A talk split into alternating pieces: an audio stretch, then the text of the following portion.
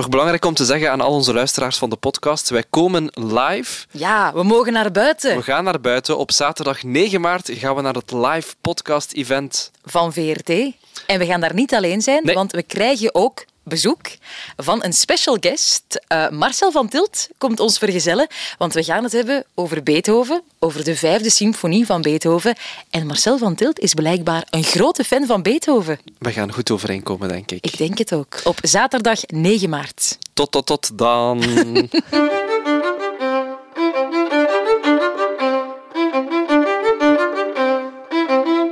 Dag Clara. Dag Sander. Je hebt geen auto, hè? Eh, nee. Nee. Maar weet jij wat een gajagist is? Wat? Een gajagist? Een garagist? Nee, nee, een gajagist. Geen idee. Dat is iemand die auto's repareert. Waar komt dit Ik vandaan? had zin in een mopje. Welkom bij een nieuwe aflevering van Eerste Hulp. Dat bij was Klassiek. geen mopje. Jawel. Even serieus, heb je soms nood aan rust? Altijd. Oké, ik heb heel goede muziek voor deze aflevering. Muziek van een bijzondere componist waar heel veel gekke verhalen de ronde over doen. Hij was volgens mij een beetje gek, maar ook een beetje geniaal. Dat ligt dicht bij elkaar. En zijn naam is Erik Satie, want dit zijn zijn trois gymnopédies.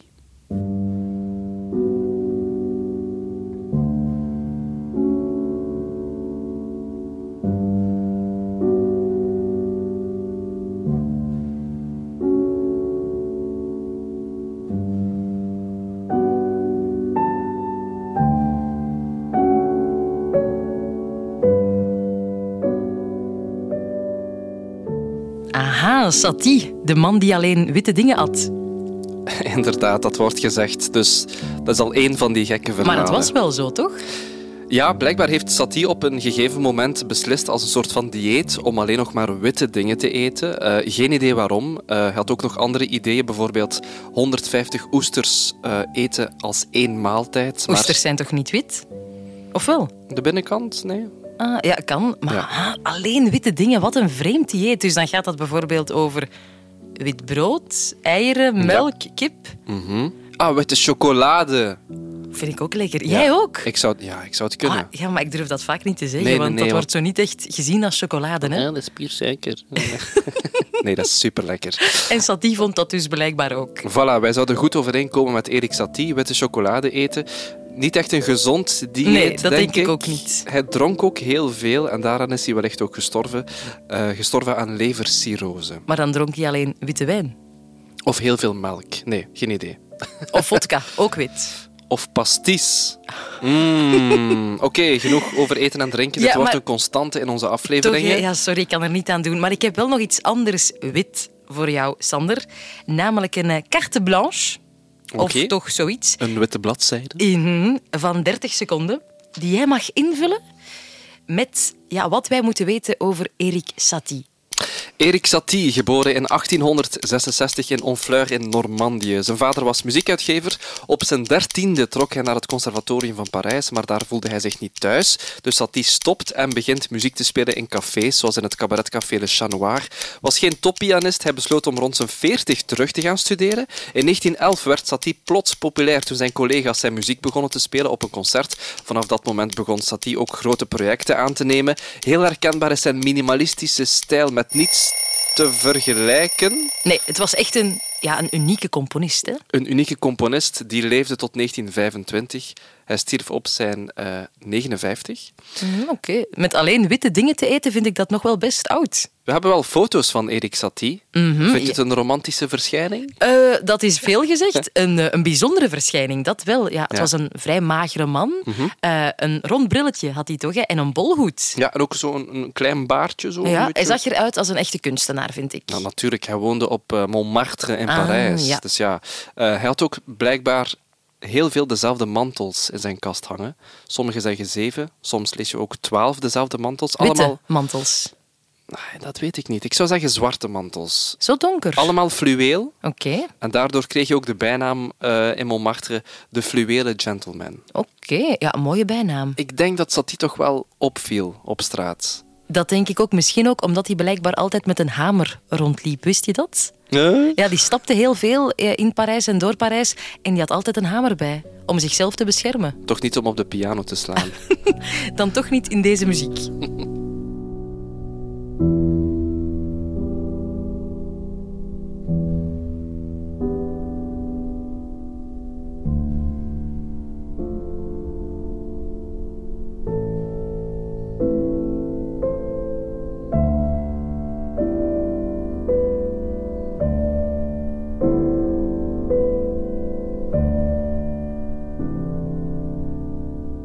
En wanneer heeft hij deze muziek geschreven? In 1888, dus hij was uh, 22 jaar. En was hij toen al afgetrapt aan het conservatorium? Ja, die dacht het conservatorium niets voor mij. Hij heeft zich dan aangemeld bij het leger. Het leger, amai, die lijkt mij nu echt geen man met zijn fluwelen mantels om naar het leger te gaan. Nee, en blijkbaar heeft hij dan ook s'nachts op wacht moeten staan en heeft hij een gigantische verkoudheid opgelopen. Dus het leger en ja, buiten... zo'n mager mannetje. Ja, dat was niets voor hem. Hij voelde zich vooral thuis in Parijs, in Montmartre, om daar pianist te zijn in een cabaretcafé, Le Chat Noir. Ja, een iconisch café. Ook van die kopjes toch, hè? Met Mhm, die zwarte Klopt, ja, ik drink geen koffie. Maar ik vind het vooral onwaarschijnlijk als je naar deze muziek luistert en je bedenkt je ondertussen welke muziek er toen nog geschreven werd. Want Mhm. we zitten dus in het jaar 1888. Je hebt Satie in Parijs. Maar ja, je hebt ook aan de andere kant ja, Mahler bijvoorbeeld, ja. Bruckner. Allemaal componisten die Richard Wagner als hun grote voorbeeld zagen. Wagner was een grote operacomponist die toen al een paar jaar dood was, maar die nog altijd heel veel invloed had. En dat hoor je bijvoorbeeld ook in een symfonie van Mahler, die hetzelfde jaar werd geschreven als deze Gymnopédies van Erik Satie. En die muziek van Mahler, die klinkt bijvoorbeeld zo.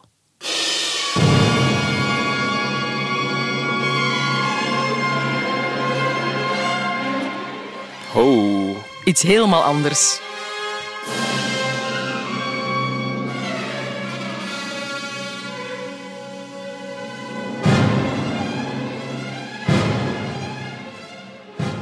Ja, dit is bombastisch, groot, verpletterend. Verpletterend is echt wel het woord. Ook 1888, hè, dit. De eerste symfonie van Mahler. Iets helemaal anders.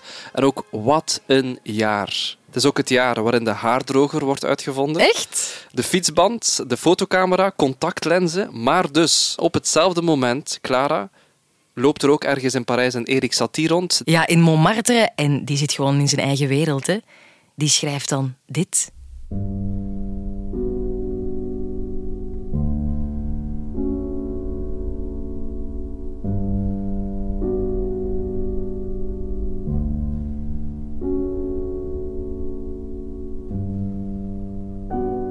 Het is zo onwaarschijnlijk, want als je dit hoort, dan lijkt het alsof Satie zich echt niets aantrok van wat er op dat moment nog gebeurde, wat, wat zijn collega's, andere componisten aan het schrijven waren. Hij deed gewoon zijn eigen ding. Met een paar noten vertelt hij toch zoveel. Het is echt naar een klok kijken die stilstaat. Ja, je hebt geen idee als je hier naar luistert hoeveel tijd er voorbij gaat. De tijd staat stil als je hier naar luistert. En in Parijs waren er zes componisten. Ze noemden zich ook Les Six, omdat ze met zes waren. En zij zagen in Satie een groot voorbeeld van ja, zo moet de muziek klinken. Hij was een beetje een held Een eigenlijk. held. Satie vond dat zelf niet zo leuk om daarmee geassocieerd te worden. Maar ik snap het wel. Eh, Satie ging terug naar een essentie die misschien een beetje verloren was soms. Misschien, Sander, moeten wij ook even teruggaan naar de essentie, want we hebben het hier al de hele tijd over die trois gymnopédies. Mhm. Maar gymnopédie... Bestaat dat woord zelfs? Eh, ja, nu wel. Dankzij Satie. Dankzij Satie. Het is een heel vaag woord. Eh, het zou verwijzen naar het oude Griekenland, naar het oude Sparta. En gymnopedie is gymnos pais in het Grieks. Gymnos naakt, pais man. Dus eigenlijk een naakte jonge man. Meer bepaald een dans van een naakte man bij festiviteiten in het oude Sparta. En Dus later... dat deed Satie in zijn vrije tijd of zo? Ik weet het niet, het was een soort van inspiratiebron. Later verschoof die betekenis ook naar een, een lied van jonge Spartaanse vrouwen. Dus belangrijk is, We zitten in Griekenland. we zitten in Griekenland, we zitten in een soort van oudheid, we zitten in iets naakt. Alsof, ja, Satie die kleedt ook de muziek uit. Kan je zeggen, hè? Puur de essentie. Dus zijn mantel die ging uit wanneer hij deze muziek speelde. En het heeft ook iets dansbaars, maar ook iets mysterieus, iets... ehm, Ja, zolang de pianisten niet naakt moeten zijn wanneer ze dit spelen, is alles oké, denk ik. Dat zou Satie ook wel nog kunnen gedaan hebben. Een conceptueel werk waarin je naakt piano moet spelen. Ik denk gewoon dat Satie het een mooi woord vond. Ja, Gymnopédie. Hij noemde zichzelf ook een gymnopedist. Kijk, ja. Ja.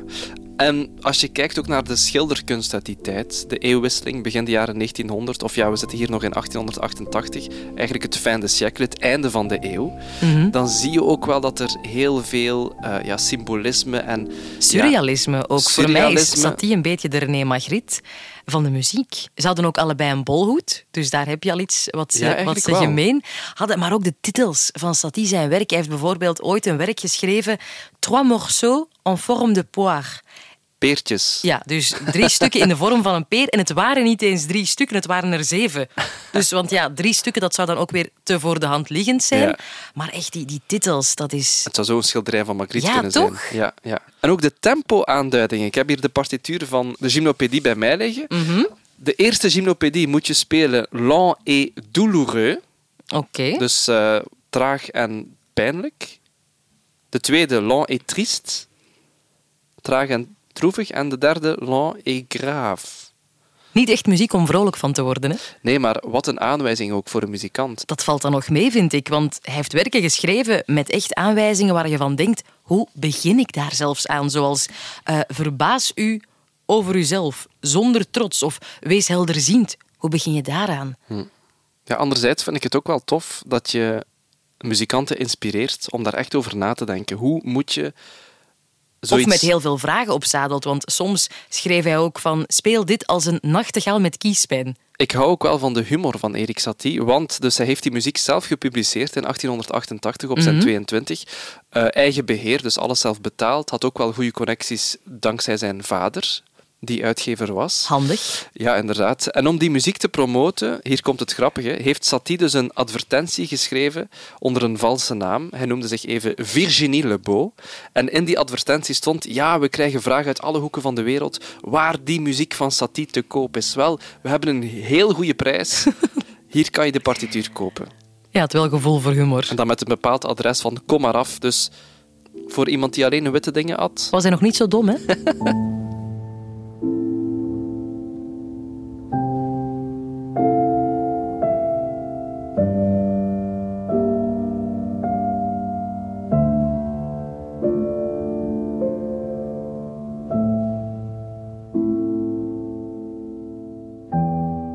Het is ook leuk, het zijn eh, trois gymnopédie. Ik denk de allerbekendste is de eerste, sowieso. Maar ze lopen wel echt door elkaar, hè? Ja, het is, het is één ervaring, één, één, één mysterieus wereldje, vind ik. En ook gymnopédie, als ik daarover begin na te denken. Het is zo'n mooi woord.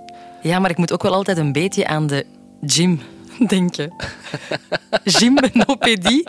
En op zich, het zou wel goede muziek zijn voor mij, want eh, mijn coach die zegt altijd dat ik al mijn oefeningen veel te snel doe. Ah, je moet het op een satie-tempo doen, hè, Clara? Ja, lent et douloureux, zeker. Vooral pijn lijden. Bij die gewichten...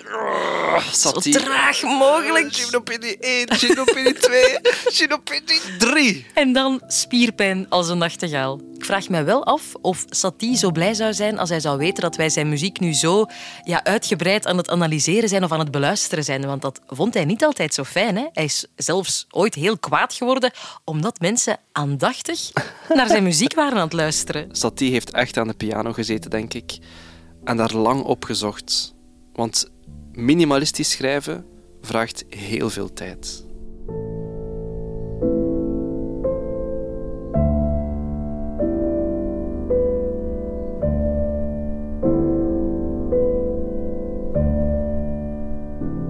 Ja, het zijn weinig noten, maar het moeten wel de juiste zijn.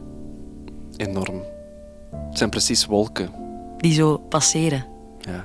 Want al die melodieën blijven op een bepaalde manier zo, zo wel hangen, vind ik. En het mooie is, vind ik, vanaf de eerste noot breekt er al een hele wereld open. Maar daar zit ook een verklaring achter. Aha, nu wordt het interessant. Want het eerste akkoord dat gespeeld wordt in de eerste maat van de muziek is een septiemakkoord. Ja, ik wist het. Er ging een moeilijk woord aankomen. Wel jammer, want op die muziek klinkt dit alarm echt zo agressief. Een septiemakkoord. Begin je al een beetje te zweten bij het woord? Ik begin al te lachen, want ik vraag me af hoe jij dit gemakkelijk gaat uitleggen. Kan dat? Heel eenvoudig. Puur op basis van gevoel is een septiemakkoord iets wat wringt. Mhm. Eh, sol, sol bijvoorbeeld. Als je dat speelt op de piano. Dat is een octaaf. Ja, en dat klinkt heel volmaakt. Maar als je die interval, die afstand iets kleiner maakt, bijvoorbeeld sol, fa, kruis, Dan begint het te te wringen. wringen. Sol, fa, kruis is een afstand van zeven stappen. En dat septiemakkoord dat wringt, maar dat breekt ook iets open. En het mooie is dat Satie met die eerste gymnopedie met zo'n septiemakkoord begint. En Het zorgt ook wel meteen voor een zekere spanning, vind ja, ik.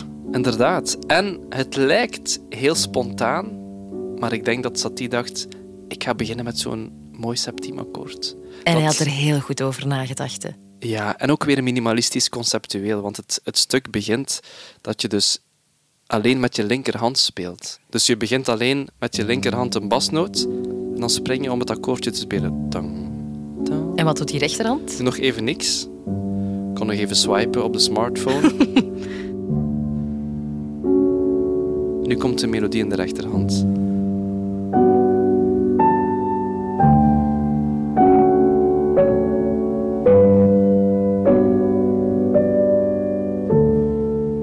Zo mooi. En toch, Sander, de muziek van Satie wordt eigenlijk toch relatief weinig uitgevoerd in concertzalen. Ja, ofwel kijk ik niet goed. Kan ook. Eh, maar ik kan me ook wel voorstellen, Satie schreef bijna alleen maar pianomuziek. Hè? Dus geen symfonieën, geen strijkkwartetten. En dat het dan misschien te veel van hetzelfde zou zijn Ja, op één avond. Misschien wel. Ik denk dat het in zijn tijd nog erger was, want hij werd niet heel serieus genomen als componist. Gelukkig waren er wel een paar pianisten en die echte voorvechters waren van zijn muziek. En ja, dan komen we al snel uit bij John Cage. Was een van de grootste fans van Erik Satie. En die heeft wel echt voor een comeback van Satie gezorgd. Ik denk dat jij er heel graag zou zijn bij geweest, want hij heeft ooit het werk van Satie Vexation uitgevoerd. Betekent letterlijk kwellingen of ergernissen. En dat is, let op, één fragment dat de pianist 840 keer moet herhalen. Oh my god. Eh Satie had op dat moment een affaire met een schilderes. En die vrouw werd zo zot van die muziek dat het toen ook heeft uitgemaakt met Satie, om maar iets te zeggen. Maar John Cage die, eh, vond het dus fantastisch en die heeft dus dat werk uitgevoerd. Weet je hoe lang het heeft geduurd? Ik denk toch meer dan een uurtje. Ik denk het ook, want hij is om zes uur s'avonds begonnen en het concert was gedaan de dag erop om twaalf uur. Oh my god. Zou Dus- jij blijven zitten? Nee, 18 Kom uur. aan. Ik vind een opera van vijf uur soms al veel. Maar die ervaring, het wordt precies zo een nieuwe vorm van stilte of van zijn. Als iets maar continu Je 840 raakt, keer... je raakt op een bepaald moment, denk ik, wel in een soort van trance. Ja. En je kreeg ook je geld terug. Elke 20 minuten dat je bleef zitten, kreeg je een stukje van je ticket terugbetaald. Wauw. Dus op het einde was je ticket gratis. Ja. En eh, er zat op het einde nog één persoon in de zaal. en die riep toen het gedaan was, encore! dus ja, zotte heb je overal. Dus die John Cage was een voorvechter van Erik Satie, maar John Cage is wel New York jaren 60. Hè? Ja, 1963 was dat concert. Ja, dus een kleine 40 jaar na zijn dood, want Satie stierf in 1925. Oké, wow. Ja, kijk, Clara, weer het bewijs. Wij zijn in de verkeerde tijd geboren. Wij moesten in Parijs leven rond 1900 en met Satie eh, koffie drinken. Ja, ik was zo graag eens langs geweest bij Satie om te kijken hoe dat hij woonde, want dat was blijkbaar, Sander, wel echt eh, heel bijzonder. Die woonde in een piepklein appartement, en echt piepklein, drie op drie. Ook niet in het centrum van Parijs, maar meer in een eh, ja, arme buitenwijk. Mhm. En elke dag stapte hij 10 kilometer naar het centrum met zijn hamer. Die Ah, hij ja. dus altijd bij had. Hij miste vaak ook zijn laatste trein naar huis, dus dan moest hij terug naar huis stappen. 20 kilometer op een dag. Dus die mocht zoveel witte chocolade eten als hij wilde. Hij stapte het er allemaal vanaf. Maar dus een klein appartement. En daar had hij een gigantische collectie paraplu's. Paraplu's. Geen idee waarom regent het zoveel in Parijs. Geen idee. Toch niet meer dan hier, denk ik. Maar die had dus heel veel paraplu's die hij nooit gebruikte. En zijn ze ook te weten gekomen na zijn dood. Die had stapels en stapels brieven van vrienden die hij nooit heeft geopend, maar die hij wel allemaal heeft beantwoord. Huh? Hoe doe je dat? Eh, beste Clara, bedankt voor je brief. Ik heb hem niet gelezen, maar dit is hoe het die- met mij gaat. ik denk dat hij helderziend was. Ik ben er ook wel slecht in. Om In meteen mijn post open te doen. Ik kan het echt lang laten liggen. Ja, maar je leest toch eerst je brief voordat je die beantwoordt? Ja, dat is wel waar. Als je hem al Dat beantwoordt. Ik vraag mij af, ehm, wat zouden ze in jouw huis vinden van maffe verzameling? Handtassen? Maar dat is niet zo maf. Bij mij rijstwafels. Wat? Ja. Als ik naar de winkel ga, koop ik bijna altijd rijstwafels. En mijn voorraadkast, ja, daar staan heel veel rijstwafels. Oh, en dat stinkt zo. Maar dat is verpakt, hè. Ah. Rijstwafels. Viezerik.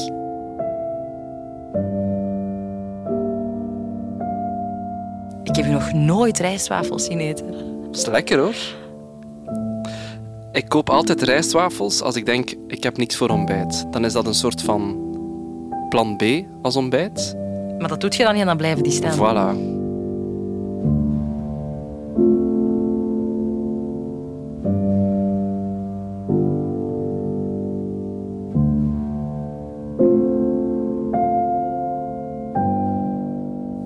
Trois Gymnopédies van Erik Satie. Het is echt wel tijdloze muziek, maar Clara, van mij krijg je niet alle tijd. Oh, is het zover? Het is zover het einde van de aflevering, dus ik wil alles te weten komen over Erik Satie zijn Trois Gymnopédies in 30 seconden. Les Trois Gymnopédies van Erik Satie is minimalistische pianomuziek uit 1888, het jaar waarin de haardroger werd uitgevonden, maar vooral het jaar waarin Satie een nieuwe vorm van muziek uitvond. Want van die verpletterende en bombastische muziek, zoals die van Wagner en Mahler, moest hij niets weten. Hij keerde terug naar de eenvoud, naar de essentie.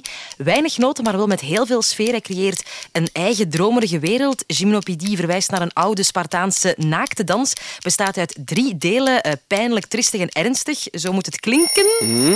En let vooral op het uh, septiem akkoord. Was het, hè? Septiem akkoord, goed. Kijk, ik heb opgelet. Een wereld die opent door het eerste akkoord. En wolkjes die voorbij glijden. Oh, fantastisch. Glijden wolkjes?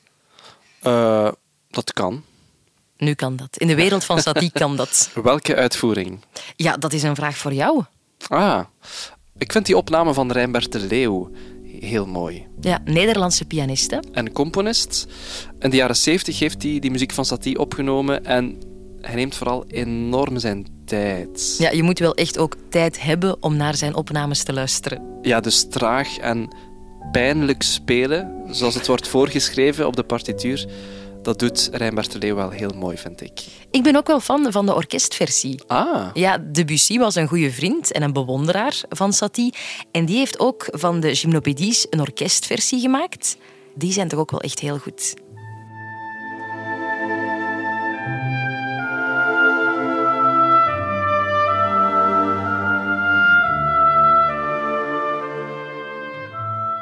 Toch ook mooi, hè? Zacht als fluweel. Zoals de mantel van Satie. Je bedoelt zijn twaalf mantels. ja, wel mooi. Als hij twaalf mantels mag hebben, dan mag ik ook twaalf handtassen hebben. Hè? En ik twaalf rijstwafels. Doe gerust van mij. Ga klaar, het is een beetje confronterend, want hoe meer afleveringen wij samen maken, hoe meer ik toch over jou te weten kom, maar ook... En ik over jou. Ja, ik ook over mezelf eigenlijk. Ik ben heel benieuwd wat wij nog allemaal over elkaar te weten gaan komen. Ik weet wel dat ik zuiniger ben, want 12 rijstwafels, sorry hoor, dat is een pak goedkoper dan 12 handtassen. Oké, volgende week.